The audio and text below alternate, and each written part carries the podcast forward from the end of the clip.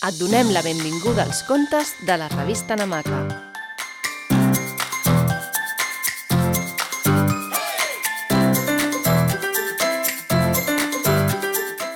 Avui t'explicarem el conte El meu país nou.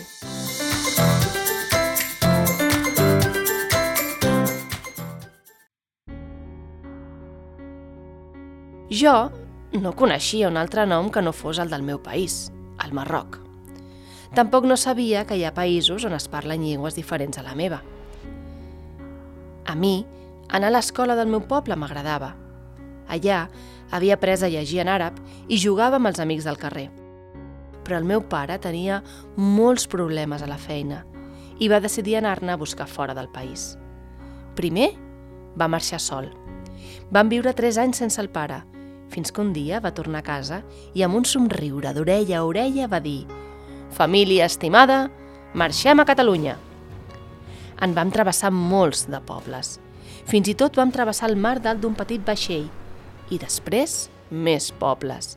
I prats, i rius, i boscos.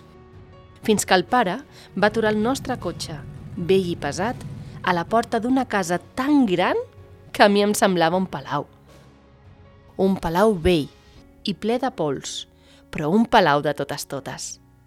El pare ens va explicar que aquella seria la nostra casa nova i que, si les coses anaven bé, ho seria per molt de temps. Que jo només m'havia de preocupar d'una cosa, d'anar a l'escola. El primer dia vaig tenir por. La mestra em va saludar amb la mà, però de l'idioma no en vaig entendre res de res – no s'assemblava gens a la llengua del meu país. A la classe hi havia un munt de nens i nenes que em miraven amb uns ulls com unes taronges. Quina vergonya! Vull sortir d'aquí! Vaig pensar. Alguns van riure. D'altres van fer ol amb la mà. L'estona passava i jo continuava sense entendre res de res. No s'acabarà mai? Per fi va sonar una música.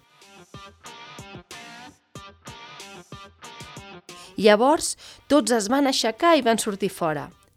La mestra em va fer senyals per indicar-me que podia menjar i sortir a jugar. Jo duia unes galetes a la motxilla i em van caure a terra. T'ajudo? Jo també sóc nova. Era la Cèlia, una nena de la classe que quan em mira sempre somriu.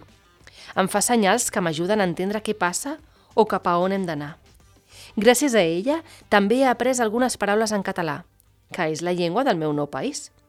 Avui, en sortir de l'escola, m'ha presentat una persona. Aquesta és la Fatimà, tu mama. Hola, bonica, com estàs? M'ha dit la senyora, i m'ha tocat la galta i ha somrigut. M'he sentit feliç per primer cop en el meu nou país desconegut i he dit orgullosa Adeu! Molt bon cap de setmana! un conte escrit per Cecília Gil i publicat a la Namaca número 35. Descobreix més històries namaquianes a www.revistanamaca.com.